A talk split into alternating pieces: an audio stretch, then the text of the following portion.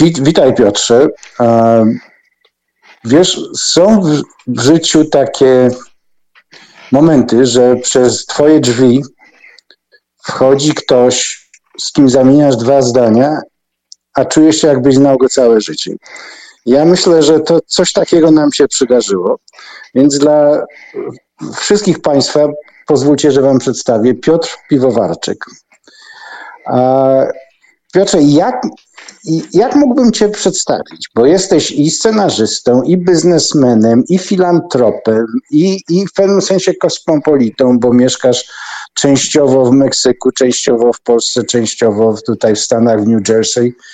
Może sam się przedstaw. E, dzień dobry Andrzeju, witam Państwa serdecznie. E, wiesz co, zabiłeś mi ćwieka w tej chwili, bo naprawdę nie wiem, e, jak o sobie opowiedzieć. Rzeczywiście tych kapeluszy noszę trochę. Natomiast przede wszystkim no, ja jestem osobą, którą by się zdefiniował jako osoba, która jest ciekawa świata i ludzi. I chyba z tego właśnie wynikają te wszystkie różne moje zajęcia, które mi się w życiu przytrafiły. E, do filmu trafiłem przez przypadek, e, ale tak samo było i z moim tutaj biznesem, e, i tak samo z działalnością charytatywną. Także po prostu myślę, że przedstawię się Państwu jako Piotr Piwowarczyk, chłopak z Kielc, który stara się po prostu coś w życiu zrobić, co mu przynosi frajdę. O tak. No wiesz, stworzyłeś w Polsce e, e, fundację, prawda? The Make a Wish Foundation, co, co już samo w sobie, prawda, jest godne niesłychanego szacunku i, i pochwał. E, no tak, no to już było dawno temu. W przyszłym roku będziemy obchodzić dwudziestolecie powstania Fundacji Mam Marzenie, która jest wzorowana na amerykańskiej fundacji Make a Wish. E, myślę, że jest to chyba jeden z najbardziej sensownych projektów, które w życiu mi się udało zaangażować, e, bo rzeczywiście spełnianie marzeń chorych dzieci jest to niesamowita przygoda, która zmienia perspektywę patrzenia na świat i po prostu daje człowiekowi zrozumieć, co naprawdę tak w życiu jest ważne i co ma znaczenie większe niż takie nasze codzienne, przyziemne sprawy. No, ale polećmy już po tym Make a Wish Foundation, bo ja mam wrażenie, że miałeś takie Make a Wish, czyli niech się marzenia spełniają i twoim marzeniem było napisanie, napisanie muzykalu opartego na życiu y, niesłychanej osoby, bo Ireny Sendlerowej. A powiedz nam coś o tym. E, no tak, rzeczywiście. E, powstanie tego projektu było rzeczywiście moim największym marzeniem które udało się wreszcie po wielu latach zrealizować. Ja miałem również to szczęście, że poznałem panią Irenę Sendlerową w 2004 roku, wtedy, kiedy wraz z Mary Skinner e, pracowaliśmy nad filmem dokumentalnym poświęconym jej działalności wojennej. W filmie pod tytułem W imię ich matek Irene, e, historia Ireny Sendlerowej, który powstawał przez 7 lat e, i właśnie wtedy po długich namowach udało się panią Irenę przekonać do tego, żeby ona wystąpiła przed kamerą i własnymi słowami opowiedziała to, co się zdarzyło właśnie w czasie wojny. To, jak ratowała żydowskie dzieci z warszawskiego getta. E, film powstał, e, miał swoją premierę w 2010 roku w Warszawie i, i od tego czasu był pokazywany w wielu krajach, na wielu festiwalach, między innymi tutaj w Ameryce, na, w sieci stacji PBS, na, na ponad 200 kanałach. E, natomiast e, e, ja jakby od początku, kiedy, kiedy skończyliśmy tą pracę, miałem taki niedosyt. Wydawało mi się, że w tej historii, która oczywiście była podporządkowana pewnym regułom filmu dokumentalnego, gdzie musieliśmy się skupić głównie na pewnych prawdach historycznych, rozmowach dotyczących tego, co się stało, ale nie było możliwości pokazania może całej złożoności tej sytuacji, emocji związanych y, z wyborami, które musiały dokonywać te młode dziewczyny, które w czasie wojny każdego dnia y, ryzykowały swoje życie wchodząc do getta, a z drugiej strony y, żydowscy rodzice, szczególnie matki, które musiały po prostu te dzieci oddawać pod opiekę obcym ludziom po to, żeby dać im nadzieję na przetrwanie. I wydawało mi się, że właśnie w tej formie, w formie musicalu, który jest najbardziej mm, taką powszechną i popularną e, formą artystyczną e, w Ameryce, uda nam się postawę, historię pani Ireny e, przybliżyć amerykańskiej publiczności. Także rzeczywiście ten projekt od początku powstawał z myślą o amerykańskim widzu. Został napisany po angielsku. No ale jak to w życiu bywa, scenariusze czasami są takie, że nie jesteśmy w stanie ich przewidzieć i Światowa premiera tego spektaklu odbyła się niecałe dwa tygodnie temu właśnie w Polsce, w Poznaniu. I w języku polskim. I w języku polskim, tak. Na potrzeby tego spektaklu przetłumaczyliśmy y, y, y, scenariusz, przetłumaczone zostały piosenki napisane przez wybitnego librecistę amerykańskiego Marka Campbella. E, no i tak to właśnie polska publiczność po raz pierwszy usłyszała na deskach Teatru Muzycznego w Poznaniu e, historię pani Ireny właśnie w tej formie. Jak się wtedy czułeś? No muszę powiedzieć, że do końca nie wierzyłem, że to się dzieje. Musiałem się kilka razy szczypać, bo e, kiedy człowiek e, pracuje, zresztą jak dobrze wiesz, będąc filmowcem, nad projektem, który zajmuje wiele, wiele lat, a później dopiero na scenie czy na planie widzi efekt tej swojej pracy, y, która, który po prostu jakby y, do życia ożywia tą całą historię, którą się napisało. Jest to niesamowite wrażenie, myślę, że porównywalne do tego, jak ojciec widzi rodzące się swoje dziecko.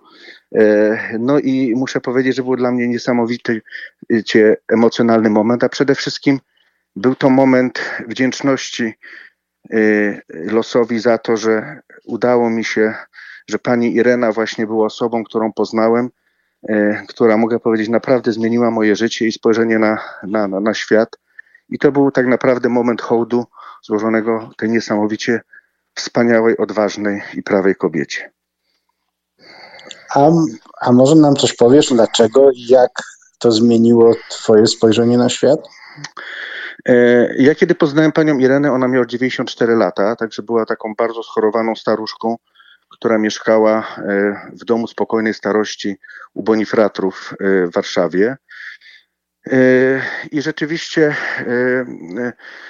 no, namówienie ją na to, żeby, żeby opowiedziała swoją historię, zajęło trochę czasu.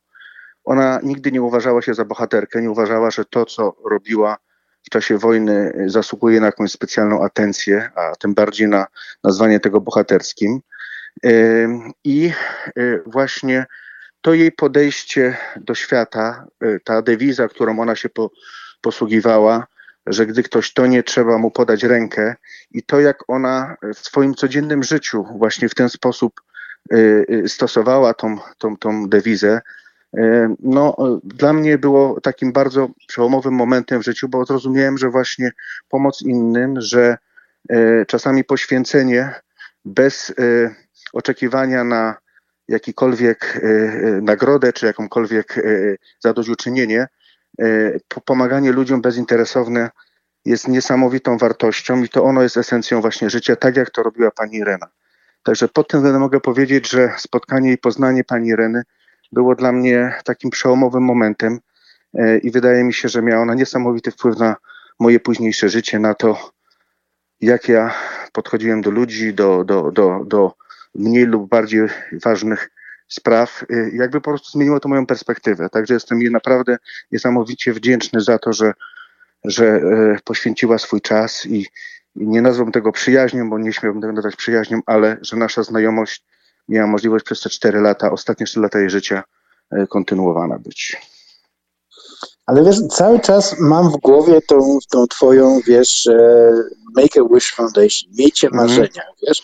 I, i, I z tego, co mi opowiadałeś, e, ten musical nie tylko spełniał w jakimś sensie spełnił twoje marzenie, ale również spełnił marzenie głównej aktorki, która gra Irenę Sendlerową właśnie w tym musicalu.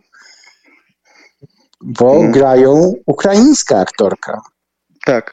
Dla mnie też to było zaskoczeniem, kiedy w marcu tego roku odbyły się, odbył się casting e, do roli, e, do, do, do tego spektaklu.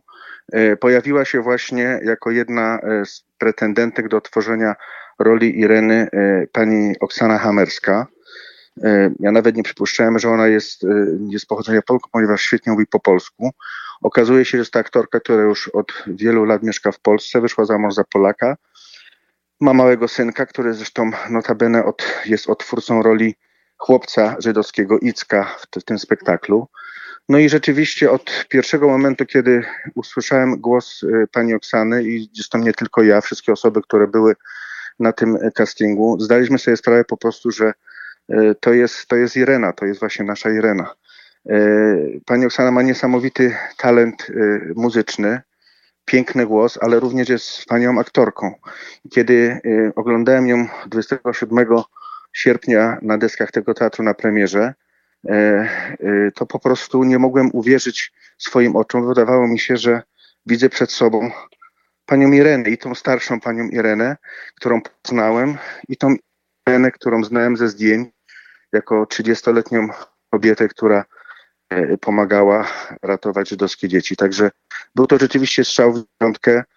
No, to, że jest ona Ukrainką, to, że jej ojczyzna w tej chwili znajduje się w takich tarapatach i w takiej sytuacji jak Polska 70 lat temu, kiedy została napadnięta przez, przez sąsiada, jeszcze nadawało tej całej historii dodatkowego wymiaru. E, z jednej strony takiej pesymistycznej refleksji, że chyba nic nie nauczyliśmy się przez te kilkadziesiąt lat i jakby po raz kolejny zatacza historia koło i wraca do tego samego punktu, w którym była w 30 latach XX wieku.